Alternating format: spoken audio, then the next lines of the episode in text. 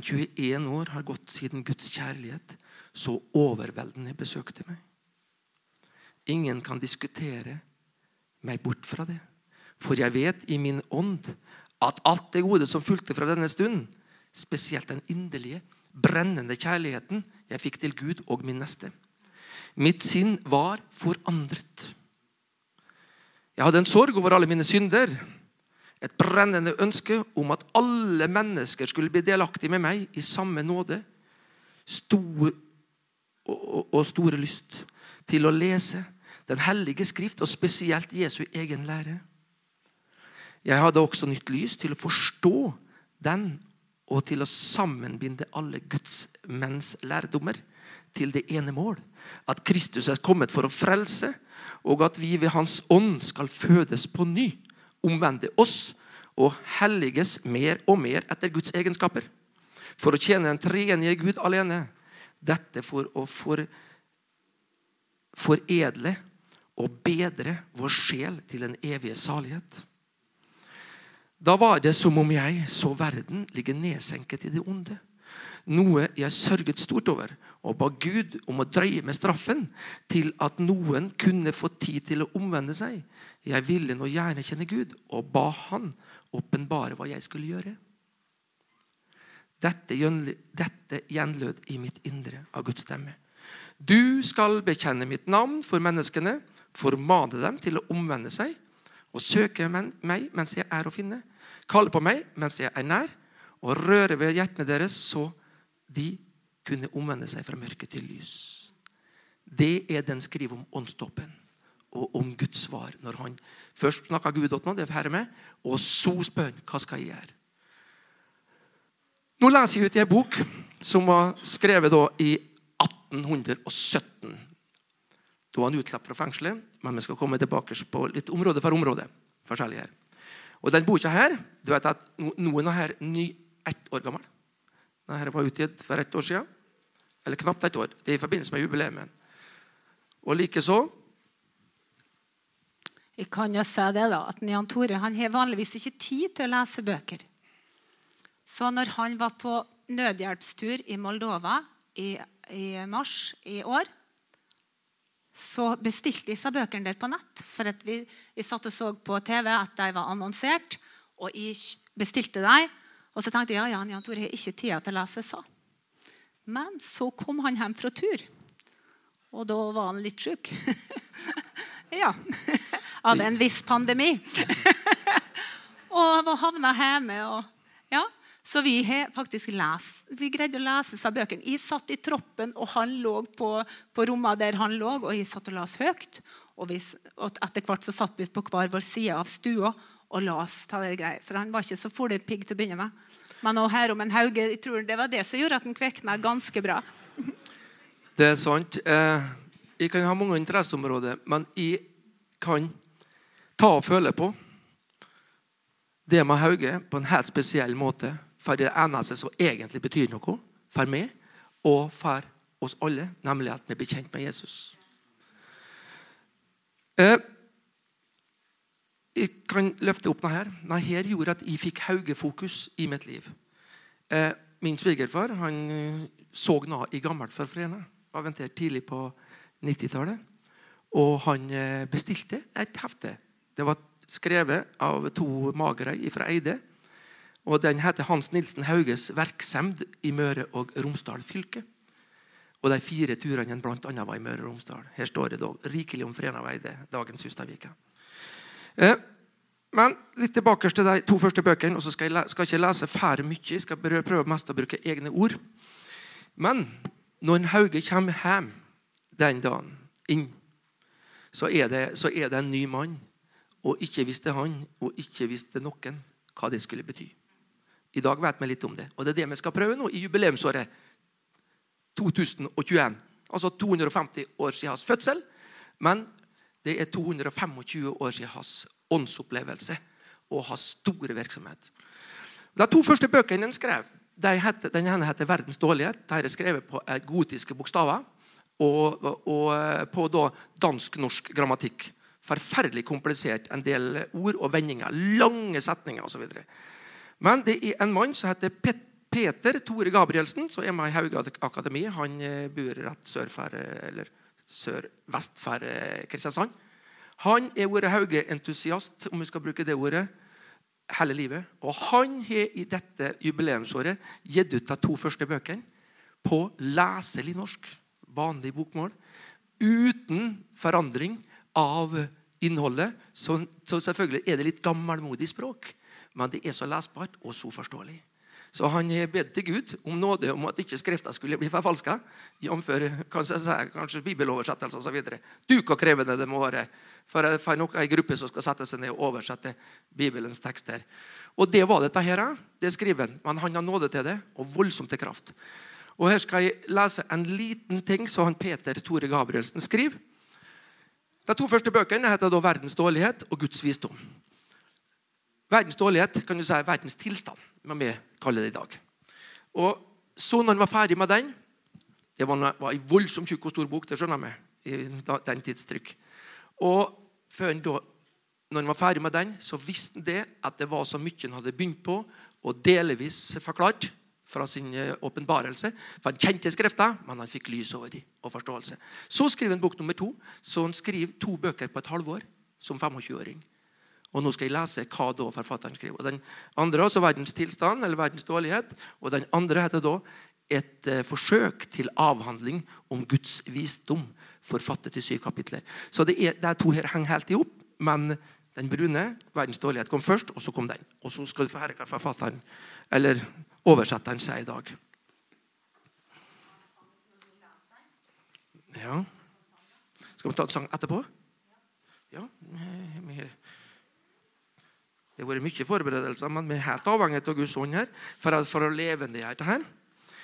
Forfatteren, Peter, oversetteren Peter Tore Gabrielsen sier disse to første bøker danner også grunnlaget for hans altså for Hans Nilsen Hauge sin forkynnelse merk dere ordet, undervisning og lære gjennom hele hans liv. Så disse to bøkene her, som han skriver som 25-åring på strak arm så er grunnlaget for forkynnelsen, undervisninga og læra. Intet mindre. Han skrev i alt 33 bøker. Han, århundreskiftet 1700-1800-tallet i Norge var det ca. 900 000 mennesker i Norge. Altså langt under en million. Uh, han blir til alle tider den mest leste forfatter i Norge i forhold til befolkninga. Ca. 250 000 skrifter blir trykt av, av Hauge og distribuert. Og så ta utrolig lite litteratur som var liksom rundt. Det var husandaktsbøker, sangbøker, bibler Og Jan Tore har alle 250 000. Nei, det har vi ikke. Men vi har en hel del. Det vi ikke, da. Og det som er så fantastisk med disse to nye her nå altså, jeg, trenger ikke reklamere, men en smule interesse, få tak i dem de to nye bøkene finnes på nett overalt. så Hvis du trykker Hans Nilsen Haugen, nå, boff, så kommer så her opp. Og, ikke, og, og, mengder med flotte ting. Ja, ikke minst Alf Magnus sier, så vi skal snakke litt om. Men de, her, de to bøkene danner grunnlaget for Hauge sin forkynnelse, undervisning og lære. Helt på slutten av sin reisebeskrivelse fra 1816, beskrivelsen over Hans Nilsen Hauge reiser, eh, viktigste hendelser og tildragelser, skriver Hauge noen anmerkninger over hans utgitte bøker i perioden 1796-1804. Etter den første boka var fullført, forteller han, og da forteller han det at når denne verdens dårlighet var ferdig, så måtte han begynne med Guds visdom for å gjøre en komplett serie. Deretter tilfører, tilfører han, og her er det her er det én ting jeg vil ta med. Jeg har sett klammer vet du, og, og, og, og finlese og tenke. Men jeg vil ta med noen linjer. Mange vil nok heller ikke innrømme eller godta at Hauge hadde et slik radikalt og åndelig sterkt budskap. Men det han skriver gang på gang, at for å nå frem til en evig herlighet, så er porten trang og veien smal for den som vil følge Jesus. Det er også budskapet som forvandlet tusenvis av mennesker under Hauges forkynnelse. De så sin fortapte stilling og omvendte seg til Herren. Det sier det oversetteren. Og det er klart, for at Når du leser denne verdens dårlighet, betraktninger over verdens dårlighet og forsøk til avhandling om Guds visdom, så vil jeg si det slik jeg leser ganske mye litteratur i der jeg prøver da, forskjellige gode mennesker, menn og kvinner, å skrive virkelig med klar penn osv. Men jeg vet ikke om de tangerer Hans Nilsen Hauge fra, fra Fredrikstad, fra Norge. Men han var egentlig ikke noe skriver, da. Nei da, han var ikke noe stor skriver, men han har noe å skrive om. Ja. Han, Han, var en brann. Han, var, han har en voldsom brann. Han har heller Ja. ikke noe stor taler. Han var en sjenert personlighet. Men idet han gikk fram Og vi kjenner nå da, vi har noen bilder haugianere av Adolf Tidemann fra 1852. Det, når Hauge kom inn på ei hussamling, og gjerne gikk da så han ble synlig og hærbar for alle sammen, da var det slik at det var ikke en lammelse, men det var en fokus og en klarhet. og en, Folk tok åt seg. Og ingen kunne gå uberørt av Hauges ord i alle sammenhenger. Han var helt uslåelig idet han stilte seg fram og delte den om den levende Gud. Om Sønnen, Frelseren.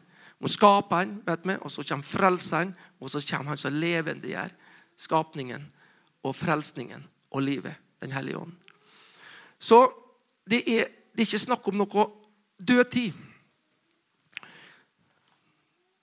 Så som sagt, nå er det kommet ikke mindre enn tre titler av bøker som er av originalmanuskriptet og er lesbare i dag. Anbefalelsesverdig. Kan si en liten ting til om de to bøkene her? Bare inntil plassen her, så skal vi ha en sang. Det er en forskjell på det som oversetteren har gjort, og originalbøkene. En vesensforskjell. For nemlig Når du leser det her nå, og den som kjenner sin bibel, da merker jeg da glir du inn i bibeltekst, bibelvers, bibelord, bibeltematikk. Og det står jo en plass. Han har ikke funnet på det sjøl. Men det var én ting. Originalbøkene hadde ingen henvisninger hva det sto i Bibelen. Så alle som skulle finne ut hva det sto, måtte fint til å begynne å lese Bibelen sin. Ja. Veldig interessant. Men det sier han Peter Tore Gabrielsen, oversetteren, han er tillatt seg å skrive det i dag. For dagens mennesker, hvis de hele tatt slår opp, så må de iallfall få litt hjelp. Ja. Men det er interessant. Så det ble en bibelhunger og en bibelkunnskap og en bibelforståelse og en bibelkjennskap som var helt hinsides av det som har vært før. For før de så visste det norske folk. Før Hauge. Så vi kan snakke om den Olav den hellige med, med både litt hjerte og tanke. Og da, den er viktig. Han skal ha sin plass. Men det var ikke han som kristna Norge. Det var Hans Nilsen Hauge. Han kristna Norge. Elin, hva har du på lur? en sang på lur. Og vi skal litt over 100 år tilbake i tid her òg. Det som vi ser når vi hører, er det at ordet og ånden blir aldri gammeldags. Og Det ser vi også gjennom sangskattene bakover. Vi kan lese helt tilbake i Salmenes bok i Guds ord, som er skrevet for tusenvis av år siden. Så ser vi at den gjenklangen som kom i hjertet til Guds godhet, eh, da er den samme gjenklangen som kommer fram i våre hjerter i dag. Vi kan kjenne oss igjen i ordene som de forfatter når de vil uttrykke sin takk og sin beundring til Gud. Ren og rettferdig, himmelen verdig.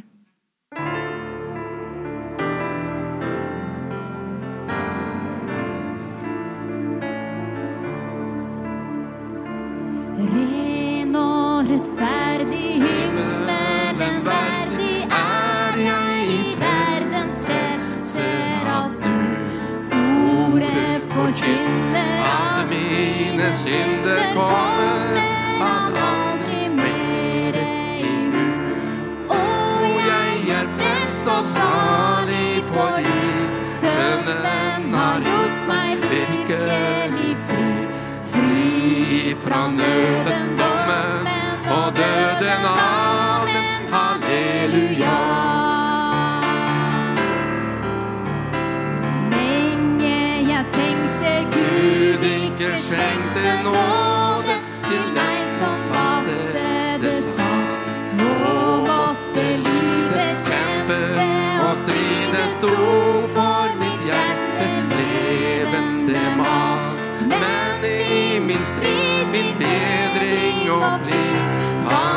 fantes det bare av makt og død. Lammet har vunnet, blodet har rundet. Amen, halleluja.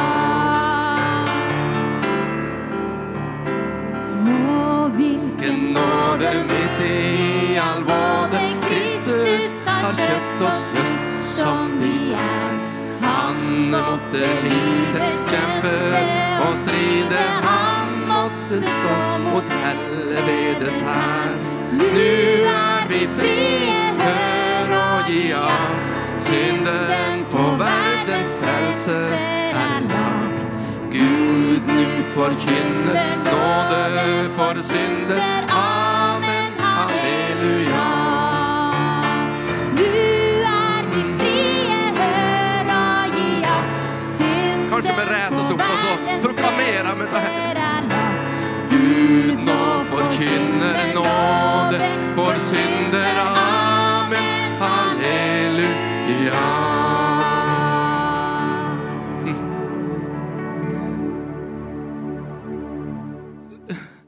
Når jeg leser slike tekster og synger det, så er det med lovsang ikke noen ny oppfinnelse.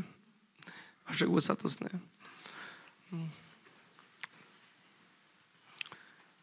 Det er hjertesang til Gud. Ja. Nå kommer det jeg litt redd for, da. Er du det? Å ja. Og, ja, og, og Beate er litt redd at Gud blir sint hvis hun strekker på, søn- strekker på søndag. Og det er jo rett i det, da. ja. Men nå, nå men er en gift meg ei hauganerkjæring, så er hun nødt til å gjøre noe nyttig. Ja. Hun kan ikke sitte tomhendt. Ja. Men du, det har noen poeng, da. Alt vi gjør, har et poeng, sant? Det som skjer med Hauge, det er at han er seg bevisst etter hvert i skrift, men han er det bevisst før han skriver det. Det er nemlig at det er ingen Det er noe glidende overgang. Du vet at det var et menneske vet du, som er fylt av ånd og sjel og kropp.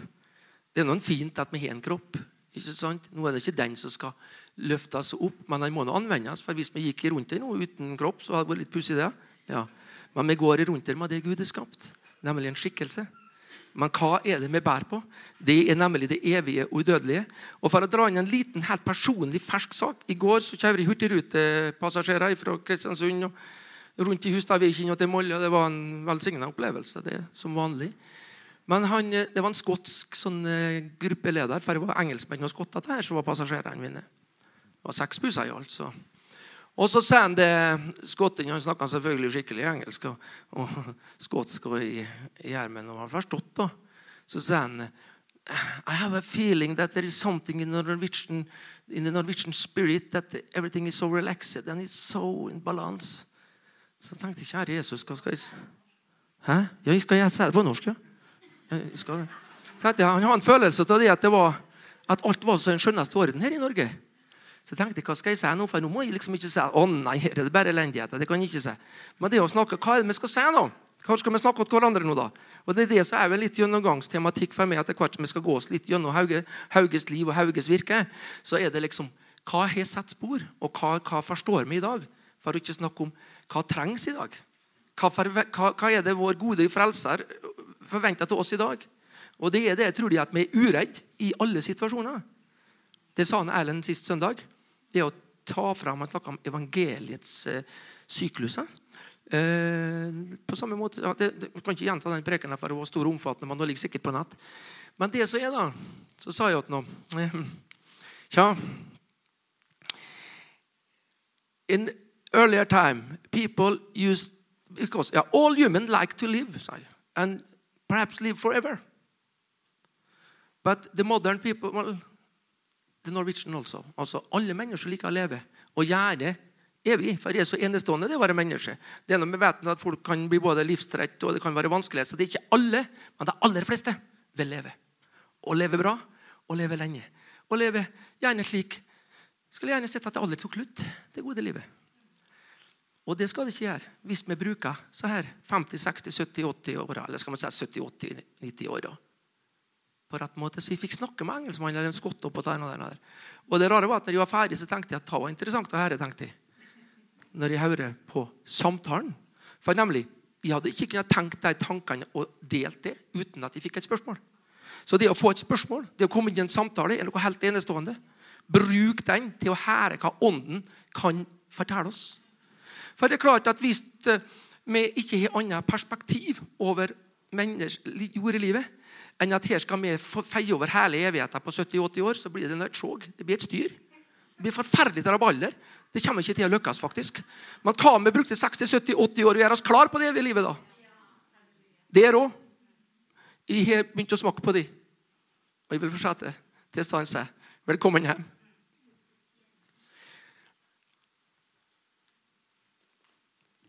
Vi kan jo si det. Når vi skulle bestemme farge på kjøkkenet vårt, så skulle vi liksom ha en sånn lys farge.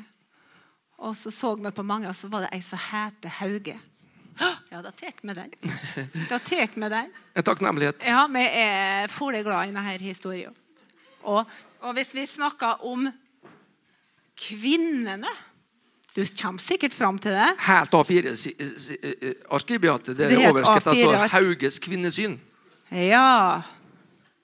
Han likte kvinner. Ja. Ja, men Ja, det er Gud. Men er- han, han så ikke på, eh, på hvem de var. Høy eller låg, eh, kvinne eller mann, rik Fattig eller fattig. rik. Men den som hadde evne. Så når damene begynte å reise rundt og forkynne, så spurte han bare ok, tar de deg bra? Eh, Oppfører de seg fint? Er de huslige? Ja, ja, ja. Ok, vær så god. Og av eh, blant alle hans ledere der var det I et såkalt brev som var forfatta eh, fra vennene på Hitra. For husk på at Det er utrolig med kilder som du kan ta av når det gjelder Hauge sitt virksomhet. Det som Jeg fikk tak i det lille heftet som jeg fikk med svigerfaren min, da, han hadde streka under det med Tornas. Ja. Og Det var ikke det står noe om i heftet. da, at De på Tornas de holdt ved den gamle stridsfoten. De ville ikke føye seg i lag med kirka som var fornya i alle retninger. Og de ble en flokk for seg helt til de gikk over til pinsevennene. Det står faktisk det her. Og det er, jeg vil si, det er nok delvis sant. Men det er heldigvis mer enn det er mer å si enn det. Det er det, ja. For den fornyelsen som skjedde i eldste fornyelse, den oppvåkninga og den bredda i norsk kristenliv som Hauge representerer, er voldsomt. Men her, du vet at i gamle bibler så husker jeg jo det at da var det gjerne et kart over Paulus sine reiser. ikke sant? Det var reise nummer 1, 2 og 3 osv. Og, og det er det her. Her er da Hans Nilsen Hauges færer i Møre og Romsdal fylke. Og så står det da Ålesund, Molde, Kristiansund, Åsgard, Aukra, Hustad, Indre Fræna, eh, Årø, Torvik, Kleive og Ålvundøy. Men jeg kom over flere ting enn det Magerøyen skrev i 1946. Dette er, er skrevet på gammel, eh, litt eh, vanskelig nynorsk, eh, men fullstendig forståelig. Og det foler mye interessant om vår kommune. La meg si altså nye Hustadvika kommune. Ja, og Stanam. Men Molle, som sagt, Kristiansund osv. I Møre og Romsdal. Og, så det kan jeg bare legge litt til sides nå. Nå har jeg kommet over ei bokside. Den har ikke her nå, men den heter 'Kristenlivet i Romsdal'. Den var skrevet i 1931 av ei dame som heter Sigrid Svendsen, forfatter på Lillehammer. Hun skrev om mange vekkelsesepoker i Norge. Og det hun skriver om den haugianske vekkelsen i Indre Romsdal. Isfjorden, Åndalsnes, Kors, altså, eller Hen, Kors, Grytten og Hva heter Mondala? Ja, men den eh, Vold. Stemmer. Vold, ja. De fire kirkesokna. Det er ei voldsom bok. Jeg har vært på mange bedehus rundt omkring og delt her og i andre sammenhenger. Eh, og det, blir, det, det ligner litt hver gang, det tror de, men det blir litt forskjellig. Men det er første gangen nå i år. Men jeg skal kanskje på bedehus i Molde i en sammenheng eh, mot jul. Men så, bare, så, så må jeg hver gang på en måte litt nullstille meg. Selv om at jeg kan ha mye detaljhistorikk og en del kunnskap, så må jeg nullstille meg slik at jeg på en måte skal skape noe med tilhørere. Ikke bare et øyeblikk mye, eller en stund med mye årstall og, og greier og saker og ting. Men hva nå, da? For oss som tror på Jesus. Og det er det mange av i Norge. Og det er mange på jorden. Det er 2,5 milliard, så ikke heng meg nedpå her nå. Det er fantastisk. Med den største gruppa, som jeg tåler en hel del. Vi burde gjøre det. Og den kristenlivet Romsdal, liksom litt sånn avslutning om den, den handler om Indre Romsdal, og det er helt fantastisk. Det er fra 1809 til 1859. For i 1859 så skjer det en vekkelse inne i Mondala, så jeg vet ikke om det finnes sidestykke til i norsk historie. Det er bare så vidt. I alle fall ikke detaljer av Guds kraft og endringer i ei bygd og et område, men det jo hele da, Indre Romsdal. Helt voldsomt. Og så er det så flott det står liksom at jeg hadde kontakt og korrespondanse med de venner på Hustad. Men det var avstander den gangen. Det var store avstander for 200 år siden, eller 150-200 år siden. I dag så er det liksom, Vi bestemmer oss for noe. Vi ser på med tida om vi rekker det før fotballkamp. eller om vi, ikke sant? Vi kan jo utrolig hva vi kan planlegge nå med GPS og fullpakke. Men sett ned farta har jeg tenkt på. Så jeg, Da jeg rette mann, så sier det. Nei, ikke helt rette mann. Men i alle fall, prøv å passe på at det er stille og klart. Dere skal være stille og klart i våre liv. Slik at vi kan få nå saligheten. Jeg leste hva Hauge hadde forkynte, underviste og lærte. Det var det han opplevde med Guds berøringer. Så jeg tror det med å, å både Hallesby og andre store indremisjonshøvdinger sier at det er ikke noe annen forklaring for det alle skal få lov å trykke Hauge til sitt bryst i Norge når det gjelder det at han var den som formidla den levende Kristus. Det, alle, det alle lov til. Alle med protestanter og alle andre. Det er ikke noe å protestere på. Slik er det. Det er så flott. Men det med å på en måte ikke gi seg på halvveia, og det er det en Hauge ikke gjør. Han gir seg ikke. Han går løs. Den siste store boka som si, liksom, er tilgjengelig i handel. Og jeg kan vel avsløre litt med arbeidet med. Det er Alf Johan Magnus, eller Al Magnus. Det har vel hørt om en tidligere leder i Ungdom i oppdrag. Og er vi heldige, så kommer han kanskje på besøk i sent i høst til Molle. Da blir det, ei, det blir kanskje på nye Sion. det blir. Og det er en storstue som kan ta mye, mye folk. Så vi håper på at Alf Magnus, som er en veldig anerkjent forkynner ja, den enestående mannen Jeg kjenner ikke like til noen som er klarere i Guds frykt eller Alf Magnus. Han er jo da, han er ikke professor, men han er temmelig høyt både utdanna, og han studerte da i yngre år Hauge. Skrev en bok tidlig på 90-tallet, og så har han skrevet ny nå som kom ut nå i år. 'Mannen som forandret Norge'. Og Det vil jeg da litt med egne ord fortsette med. På en måte mannen som forandra Norge.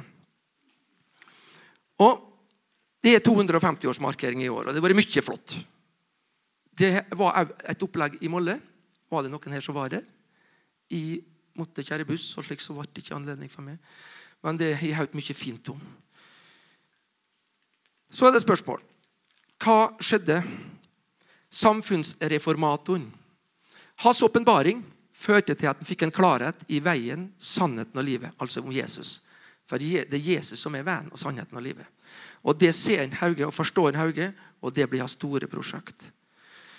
Og så er det spørsmål en veien og sannheten og livet bare for en som tror på den. Nei, han er det for den enkelte, men han er det for nasjonen òg. Og han er det for alle. For Det som gjør at det kanskje går bedre enn en skal tro, mange ganger, er det at mennesket faktisk anerkjenner en del ting. En forståelse. Men for å få ro og fred og klarhet for evig liv, da må vi ta imot Jesus. Han eh, har store prosjekter jeg har lest. Jeg skal prøve ikke å si det for mange ganger det samme. Det er at eh, det med omvendelsen var det sentrale. Men omvendelsen førte til noe. Og det var det jeg begynte på, men det ikke fullførte ikke. på Nemlig, Hauge får se og forstår tidlig. Senere så skriver han om det nonstop, og det blir gjennomgangsmelodien for haugianere. Haugianisme. Det er nemlig det at når Gud gjør noe på innsiden med oss, det er ånd, så går det ut i hånd. Da begynner vi å skape noe som behøves for oss og for alle. Ikke bare for oss eller for meg, men for alle.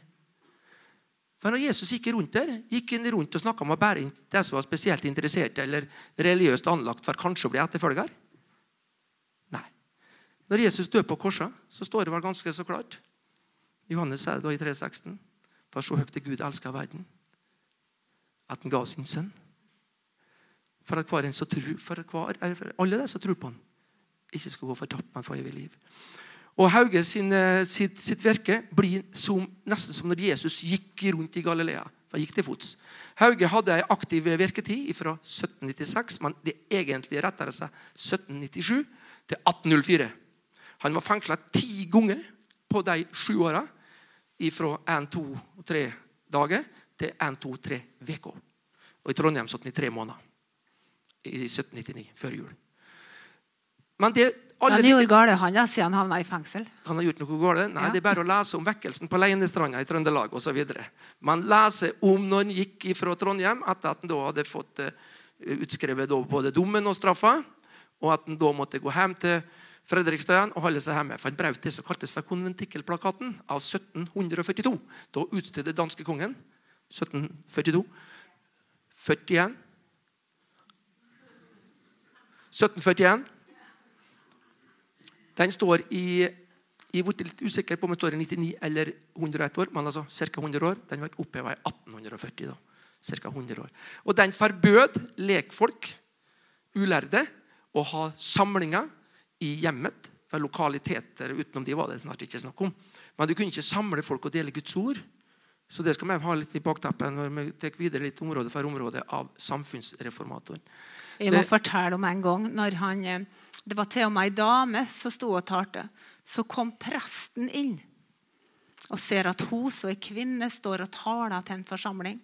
Da driver han salmeboka fra henne og hyver henne i ovnen. Grua, Ja. Ja. Så brann opp for Og, alle. og jeg skjønte hva er det du gjør? Du gjør imot Guds bud. Og så og folket er helt stille. Og når presten liksom har sagt sitt, så bare ser de på henne.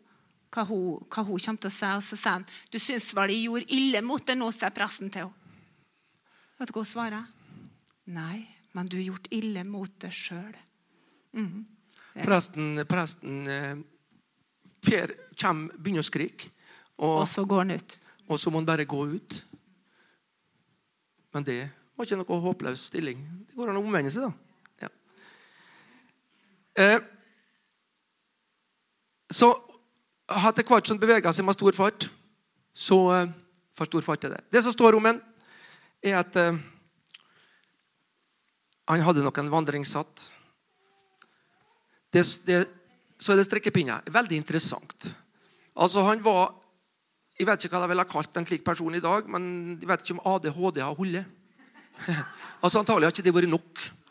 På en måte. For det er også voldsomt. For han forsto han at her hasta det. Så han småsprang. Ikke sånn storsprang, men han småsprang. Det skrives det. altså det sier Alf Magnus sa.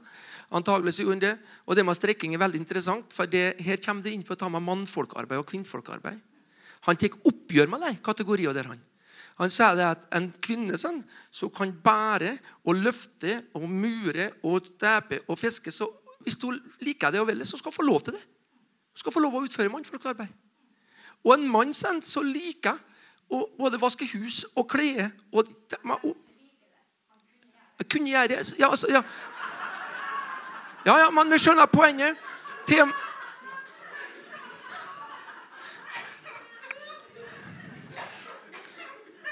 ja, men det er fint. Det, det er ikke mye med Hauge som er direkte superhumoristisk. Men det er så interessant, for det gjør noe med hele samfunnsforståelsen i, på alle lag. Det skal vi komme litt tilbake på. Vi kommer mer på, innpå. Så han hadde så stor fart. Og han bevega seg på en måte med en plan. Alle fall etter en tid da han kom tilbake og besøkte og så hvor det gikk. Og, men han fikk stadig nye områder. Så på de sju-åtte åra han hadde virketid, før han ble fengsla for ellevte og siste gang Da ble han fengsla i ti år. Og det er med bare litt overblikk og forståelse så skjønner de fleste. Det er ikke bare et justismord, men antagelig det er til alle tider det største og verste justismord i norsk historie. Så er kjent. En mann blir fengsla i ti år for å ha vært en velgjører og løfta hele folket opp. Selvfølgelig hadde han da forbrutt seg mot konventikkelplakaten. Hvis Hvis ikke de det, ser bildet som står her, så er kjøpt på gjenbruk, så står det bildet av når han står i fengselet. De kom jo og skulle besøke han, og fikk jo ikke komme inn. De gikk, de gikk fra Voss, var det? Ikke fra Voss og ikke fra Trøndelagen. De, eh, når da havna jeg på Akershus, eh, tukthus, eh, Akershus festning på tukthusavdelinga der i eh, 1804 De første to åra fikk en tre lysglimt og litt grann frisk luft. Han så til et rått hull, eh, jord- og murhull, og da mistet han tennene, blant annet. Så det brøt ned helsa hans. Men sjøl når han kom ut igjen, så hadde han klarhet og en friskhet. Og ikke fikk han lese og ikke fikk han skrive på to år. Han som var den største forfatter og den største leser og den største ordets mann. Men hva skjedde da rundt omkring i det hundrevis av haugianerredet, så nemlig da det ble kalla de flokkene? For der han kom på en gard, der var det ikke, visste, det er ikke noe historie om at ikke noen kom til tro. Og hva skjedde når han for? Da kom det flere til tro. Og da skrev brev seg imellom, skrev brev til henne. Og den korrespondansen som er akkurat Paulus' nivå på en måte. I Norge er det 1000 år siden? Nei. Er det 500 år siden? Nei, det er vel 200 år siden. Eller vi kan egentlig si 200 år. For det når den første emigrasjonen begynte til Amerika, det var i 1825. Det, det er knappe 200 år siden. Og så vet vi hvor mye haugianere som for. Både av vanskelige situasjoner, store barnefamilier. Bare én kunne arve gården. Det vet vi. Og når det ikke var noe jord å få kjøpe, og ikke var så mye annet, da måtte du orientere deg for å leve. Og Da for jeg til Amerika, men jeg så seg sjøl alltid, nesten alltid, som utsendinger i Kristi sted der jeg var. Alltid. Det skal vi også si litt mer om. Det med ånd og hånd er så gjennomsyra og så omfattende i Hauges undervisning og forkynnelse og lære at det er uatskillelig. Så de var så flittige, og de gjorde flid, og det var rettferdig. Enten det gjelder mål og vekt osv. Det kommer inn på litt her. Men omvendelsen var nummer én. Og når mennesker har fått et nytt liv på innsiden, så slår det ut. På så mange gode måter. Som menneske som gikk fra mørke til lys, for det gjorde når jeg tok imot. Vi må huske på det, jeg tok imot Jesus. Vi må huske på at den tida her nå, så var 100 av norske befolkning døpt i kirken. Da barnet døpt, så det var, ikke, det var i orden. Og det hadde gått i kirke og kirkelære og konfirmasjon. Så det, det var i orden for alle sammen. Men de kjente ikke Gud. De kjente ikke sannheten. Mennesket i Norge, mengda, var yderst få. For før Hauge så fantes det ingenting av det vi tar som en selvfølge i dag. Det var ikke noe. Dag Kullerud Nei, Her var det andre boka jeg jeg kjøpte. Og han er journalist og forfatter. Han skriver om Hans Nilsen Hauge som på en måte Det var ikke noe Norge. Vi kan ikke snakke om et Norge som nasjon og folk før Hauge. Så hvis vi skal snakke om Norge som folk og nasjon i dag, så er det av Hauge. Handel. Jeg skrev noe, noe overskrift her. Handel er på en måte ikke noe det forstår alle funtes. Den tida, Før Hauge så var det bare privilegier. Alt var monopolisert. Ingen kunne holde på med handel, kjøpe og selge, uten at det var godkjent via kongelige privilegier og bevilgninger. Fantes ikke mulig. Du kunne nok kanskje selge. Og ikke reise. Ikke bevege seg. Var du født i en kommune, så var det stort sett en bygd og kommune. Det var der du hører til, i et eh, begrenset område. I ditt fylke, amt, så kunne du bevege deg men ikke noe utover i. Da måtte du ha reisepass. Du måtte ha pass. Altså ikke vaksinepass, den gangen, men det var pass for å ha lov å bevege det.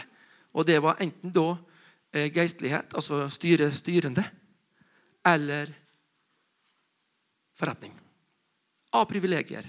Privilegier er altså, det, det, I dag så bruker vi ordet privilegier på en annen måte, men da har du brev. da. Du har privilegiebrev. Så godkjent at du har lov. Så handel det var på en måte en, alltid vært en nødvendighet. til. Men det var monopolisert. Men med Hauge så blir det nedrevet uten lovsendring. Da skjer det bare at han sier det at den som har noe som skal kjøpes, den som må kjøpe noe eller selge noe, vær så god. Det er ikke lov, det er ikke, lovene her er bare ødeleggende. Og verdiskapning det skal gå rett for seg, både med beskatning og deling. Så det blir det med handelsforståelse Og Vi kan godt snakke om kristne verdier. Opp og ned i mengde. Og det er noe, det er noe uttynna, kanskje utrolig, og uthåla. Men hvis vi skal snakke om virkelig den kristne verdiforståelsen i praksis i Norge og norsk historie, så kommer det av Hauge. Det meste. Det meste. For det lå så, Jeg har sjøl snakka med Edvard Hoem. Har en kneppe her og har sine bøker. Og når han da skriver, og spesielt Felemakeren, den siste, det er egentlig rett og slett en utrolig opplysende skriv om hauganisme i Norge. Er Edvard Hoem. Og jeg med noen, hvor, Det var vel enkelt å være i Bjørnson, sier Ibsen og Lie og Kielland og, videre, når Hauga var her. hadde ikke vært mulig det uten Haugesand. For det var en lovlydighet og en, og en forståelse av sjøl forskjellige meninger var ikke et problem. Du visste hva du mente. Du mente det som Guds ord mente. Og om andre mente noe annet, så var det i orden, for du var trygg i din sak. Du trengte ikke å bruke makt og ødelegge andres menneskers både liv og meninger. Så det, Hvis vi snakker om toleranse og rommelighet, Ja, Den som tror på Jesus, han tåler ganske mye. Han, han tåler faktisk alt. Og så står du band, og så sier du hva du tror på. Og der ligger hemmeligheten. Så det var handel. Det tar fatt med Hauge. Så har vi et ord, nemlig haugianerredet. Og haugianere og haugiansk. Haugiansk tenkning av varemåte, levemåte. Haugianeren det var den enkelte person. Men så var det haugianerredet. For nemlig, Det fantes ikke noe menigheter eh, i, i, den protestantiske Norge før Hauge. Det fantes ikke. Det var bare huspostillen, det var husets herre, som leste da andagsboken osv. i hjemmet. Det fantes ikke forsamlinger som er kjent å snakke om. Det kunne være noe med kvekerne. De var kommet fra England. De samles, men de snakka ikke. De bare så og tok imot. De har ikke lov å snakke når det var samla mange.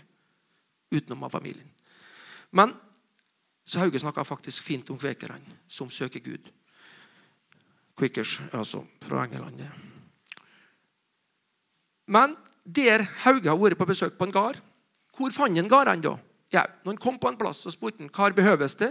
Hva tror, da snakka han med de som kom til tro. Hva er det Han spurte til råds hva skal jeg fare hen. Og de sa det. Da skal du over, ifra, i, over der, og da kommer du inn i Valldalen. Ikke sant? Og inn i Valldalen, ja, men så, og da førte det en hale på med folk. Det kunne være 1, 5, 10, 15. som førte Hauge til fots noen småsprang.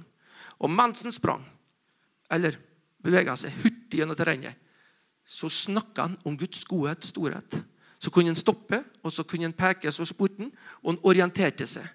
Fordi han bevega seg til fots minimum 15 000 km på sju år i Norge. Ifra hele Sørlandet, Vestlandet, Innlandet, fjellet, dalstrøkene, Øst, Østerdalen og Trøndelagen og oppover. Og en tur en gang periode var han i Tromsø. Det var lengst en år. Pluss store deler av Danmark. Det gjorde han på sju år. Pluss at han da starta etter hvert. Eh, han fikk nemlig velsignelse av biskopen i Bergen til å få handelsbrev, så han kunne få bevege seg lovlig i Norge. For Før han fikk det, så var det ulovlig å fare rundt i Norge. for hans del. Men når han fikk handelsbrev, rett til handel, så, så det en liten skipsreder. Fire seilskuter han. Der de frakta korn nordover kysten. Bodø var der flere ganger. Og så var det tørrfisk og saltfisk og så foredla fiskeprodukter. Så de trengte da inn i Dalo inn i Fjordå osv. Tok han med seg ned igjen og begynte en handel. Helt fantastisk. Så hva den mannen rekte å gjøre med egen hånd og tanke og kraft, men å engasjere hele den tids Norge mer og mindre, kombinert med å skrive bøker, lese skrifter og preke, og trykke bøkene og bitte dem og få distribuere dem og få det sært Umulig å forstå. Det er sju år skjer det her på. Jeg tenker Det sto en plass at når han kom til en ny plass og holdt på å jobbe og jobbe, og jobbe, så tenkte jeg det er ikke han. Det kan ikke være han. Det kan ikke være en predikanten, for han er så rasende å jobbe. Og så kom kvelden, og han begynte å tale. Wow. Ja, det var han. Ånd og hånd. Ånd og hånd. Han, eh, han hadde nok en kraft i tillegg til at han var iboende på en måte en, en, en, kjærlighet til Gud og mennesker som var helt spesiell, så hadde han en fysisk kraft som er ubeskrivelig. Så det, er, det fins mye skriftelige kilder på de at uh, hans fysiske styrke var helt. Men det var hast. Det måtte skje fort. Så det Alf Magnus sa at han, han, visste nok det at det var noe som hasta, men han visste ikke hva det var når det gjelder hans egen virketid. Så snakka vi om grunnloven vår. Den, eh, det, det, skjedde noe i 1813.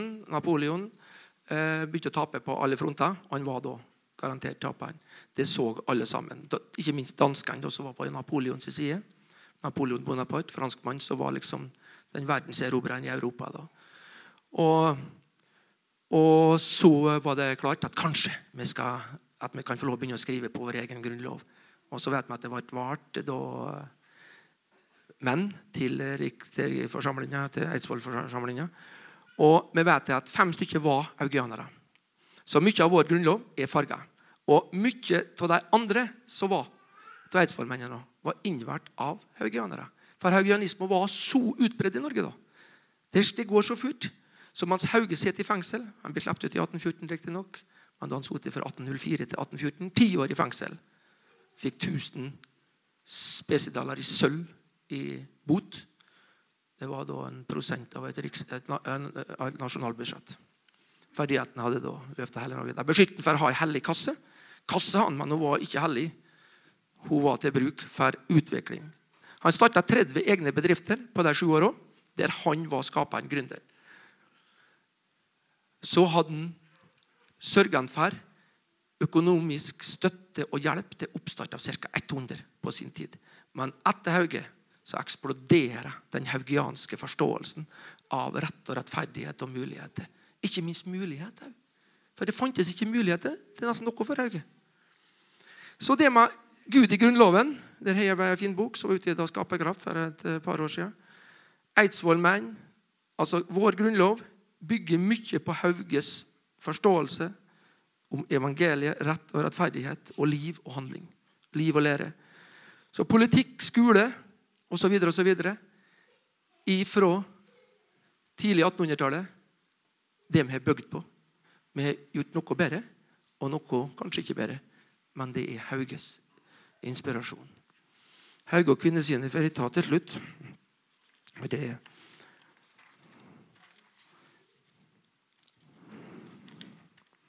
Landbruk. Du vet, For å sitere Bjørn Austegård, tidligere, tidligere museumsbestyrer, Romsdalsmuseets i Molle. Han sier at når han snakker om landbruk, temaet landbruk og Hvis vi skal snakke om Norge og museums eller forståelse av historie, så er landbruket fryktelig sentralt. selvfølgelig La meg fiskerihistorie. For det er havet og landet vi har levd Det er i prinsippet likt for alle. Bjørn Austegard sa det at du skjønner at de forener sånn. Bare elendigheter der. Men så kom brøyten, sånn, og plutselig så ble det en viss ordning. Gravemaskinen, altså. Men var, hvor var det i Norge når det gjelder landbruk før Hauge? Da med en tid før.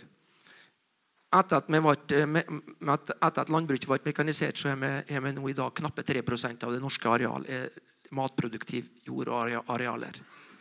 Under 3% det må vi huske. Så det er ikke Senterpartiets sak, bruker jeg å si. Det bør være alle sak å forstå det man gjorde. Eh, men når Hauge nemlig Gårdene var små og store barnefamilier, og du måtte leve av det skogen, det du kunne høste til skogen, av jorden og av fjord, elv, hav. Det var så dårlig stelt at når Hauge kom over ei rene, over ei høgde, og der visste han kanskje at Norge eller Utegan dit han skulle Da så han, han nærmest fotograferte, så så han der må de, der må de hegge ned, der må det gjøres det. Der har vi ei sekle. der har vi ei elv. Og Da kunne han se hva som skulle til for å bare, bare kom inn i et område hva som skulle til for å løfte det folket. og så var det Hvorfor haurer deg på han når han sa det? For det kunne jo komme geistlig, og det var det var Ofte så kunne en ha bare korte tider. Det kunne være et døgn, det kunne være tre, men det kunne være bare en time eller tre. Men det forandra ganen. Det forandra tenkninga, holdninga og forståelsen av det meste på så kort tid. Er dette ei skryteliste? Ja, det er det nok, men det er mer enn det. Det er sann skryteliste. Det er helt fenomenalt det, hva Gud gjorde for vårt folk gjennom en mann. Han var en av dem. Han var av bondestand. For vi husker på at Den gangen her så snakka vi om stand og rang. Han var fra det laveste sjiktet. Og der var de fleste. Og han var av dem. Så når han hadde forkynt evangeliet, så våkna han ikke neste morgen og lurte på hva de hadde vært med på. De våkna neste morgen og visste hva de skulle gjøre. Her, overalt. Det fins noen ulykksalige historier, ikke om Hauge, men om det han ble jaga før han fikk nærmest begynne på noe som helst. For jeg visste at Hauge kom. Ryktet gikk framme i mannen, som jeg sa. Ja. Og der presten og lensmannen hadde møtt opp og kjeppjaga han for at jeg var ufin, slo, og, så, og jaga han. Selvfølgelig mot folkets ønske. Det, det må man ha klart for oss. Men makta rådde. Men det er ikke mange slike plasser. Men litt sånn ulykksalig betraktning er at den ble jaga og aldri fikk eh, hauganisme fikk fotfeste, der har det kanskje vært magert etterpå. Det har vært dårlig i landet vårt. Det er jo en, en alvorlig side ved saken. Men det med landbruk og utvikling Så så han det. Her må vi ha en sag. Han visste hva du skulle få tak i. Oppgangs, hvor oppgangssag skulle bygges. Han visste hvor tømmerstørrelsen. Så han greide å elva måtte ha så og så mye vann. Så han fant ut dette her så fort. Og satte i gang. Og vi har nå helst sett saia bortom fjorda her. Borti, ja, mot Åndal. Den hauge som er bygd. Altså fortalt. Så han gjorde selvfølgelig ikke alt arbeidet, men det, er, det, det, det var Haugesaia. Ja. For han kom, for nemlig på Helset, så var det haugianerredet. Det var det i Haukåsen her inne i Ernasøya. Når det gjelder andre plasser, så vet vi ikke om at det var haugianerredet, men det var det helt sikkert. Men Haukåsen og, og Helset de korresponderte. Det fins brev, mye brev fra navngitte personer til og fra Hauge og imellom haugianere fra Indre Ernasvoja, Indre Øvre og ifra Halsat, bortom fjorda. Den Edvard Hoem kommer fra. Og, så det med landbruket det var en rasende utvikling. Og så sa han at han så hvor redskapene skulle måtte, De måtte ha andre redskap, mer tjenlig, bedre kvalitet osv. Og, så og, og de tok imot alt det der. For jeg hadde nemlig tatt imot Jesus kvelden før. Det var, så, det, det, det var en tillit. Det var, det var, noe helt fantastisk. På, på et finere ord så sier vi ofte symbiose. Og det at ting liksom bare går inn i noen. Og det var det det gjorde. Ånd og hånd. Så er det industritemaet. I Norge fantes det lite små, eh, altså, eh, utviklende småindustri. Det var, var litt grann sånn store, store industri, nemlig med betong eller sement, altså steping av murstein osv. Kunne være litt her og der. Og så videre. Men det står vel kanskje i de bokene her helt på jorda det står det, jeg leste om industriforetak. Han starta 30 direkte virksomheter. Og vi kjenner navnene. Så Hvis vi snakker om trykkeri, da, så kjenner vi selvfølgelig da Gyldendal. Og vi kjenner Aschehoug og Dam. Og hva er det som står bak alt det der i begynnelsen? Hauge. Så det står ei lang liste her. Jeg vet ikke om jeg skal, kanskje, kanskje, vi ikke trenger å ta oss tida til det nå. Men det er utrolig interessant. Og vi har av nærere ting så har vi da Devold fra Åndalsnes, Rauma ullvarefabrikk osv. osv. Hauge, haugianisme, haug, eh, haugianere som sto bak alt det der. Så, så det det førte til at han satte i gang. Han så og forsto, og det skapte slik en inspirasjon og entusiasme og tro. For det var en mann som så og forsto. Og, og så, hva, hva er det vi lærer av? En ting er 'learning by doing', altså lære til å gjøre det. Men vi lærer av andre, av hverandre. For de delte. Det var slik en deling. Det var slik en oppsving på alt. Og det med den hellige kassa, som ikke var hellig, men det var de hellige som donerte penger, så de hadde faktisk startkapital til utrolig mye prosjekt mulig for hånden. Og Det var en av anklagepunktene mot ham. At han har ikke lov å disponere fellesmidler på den måten der. Etter loven. da. Så det med altså landbruket, industrien, lover, lov og regelverk Og hvor omfattende det var etter hvert. Handel. Det, det, er, det er på en måte ikke råd overdrevet. Og Går vi litt tilbake liksom til starten, som vi hele tida har klart for etterfølgelsen av Kristus, der ånden og hånden griper hele mennesket, skaper noe nytt. Når det gjelder familie, så hadde den òg utrolig mye nytt. Altså, Vi snakka om nye ting som ikke fantes før Hauge. Det fantes ikke før. Det var en kristelig mann, det her. Ikke direkte kjedelig type. Voldsomt spennende. Helt voldsomt. Om familie der fikk en mye mer orden på det som har med det huslige å gjøre, og mann og kvinne, mannsarbeid og kvinnearbeid. At alle skulle hjelpe alle. Hvis du finner på noe artig, så er det lov. Det, det, det, er noe, det var så Han skapte en helt ny dimensjon og dynamikk i, i familien og familiesamhold. Jeg syns du skal hære på Nei, Det var fint sagt. Ja. Han levde i en tid der at det var de fleste ekteskap var mer og mindre arrangert. Det var ikke noe dating med tilfeldige. For nemlig rang og stang, stand, det var så Alle visste. Du, du, kunne ikke, du kunne ikke gifte deg vesentlig opp. Og ikke skulle du gifte deg ned heller. Så du skulle ikke Ei dame av det høyere sosietet kunne ikke gifte seg med en, med en bondemann. Det var ikke rom for det. Alt var så rigid. Det brøt han opp. Alt av det. Det fins fantastiske historier. For at han kunne da spille på litt samtidens mekanismer opp mot det eller Bibelens og framtidens nye virkelighet. Der at kjærligheten skulle være det bærende på alle plan mellom mann og kone og unger. Og det at hjemmene var hovedarenaen og hovedansvarlig for å lære ungene alle ting som trengtes for livet.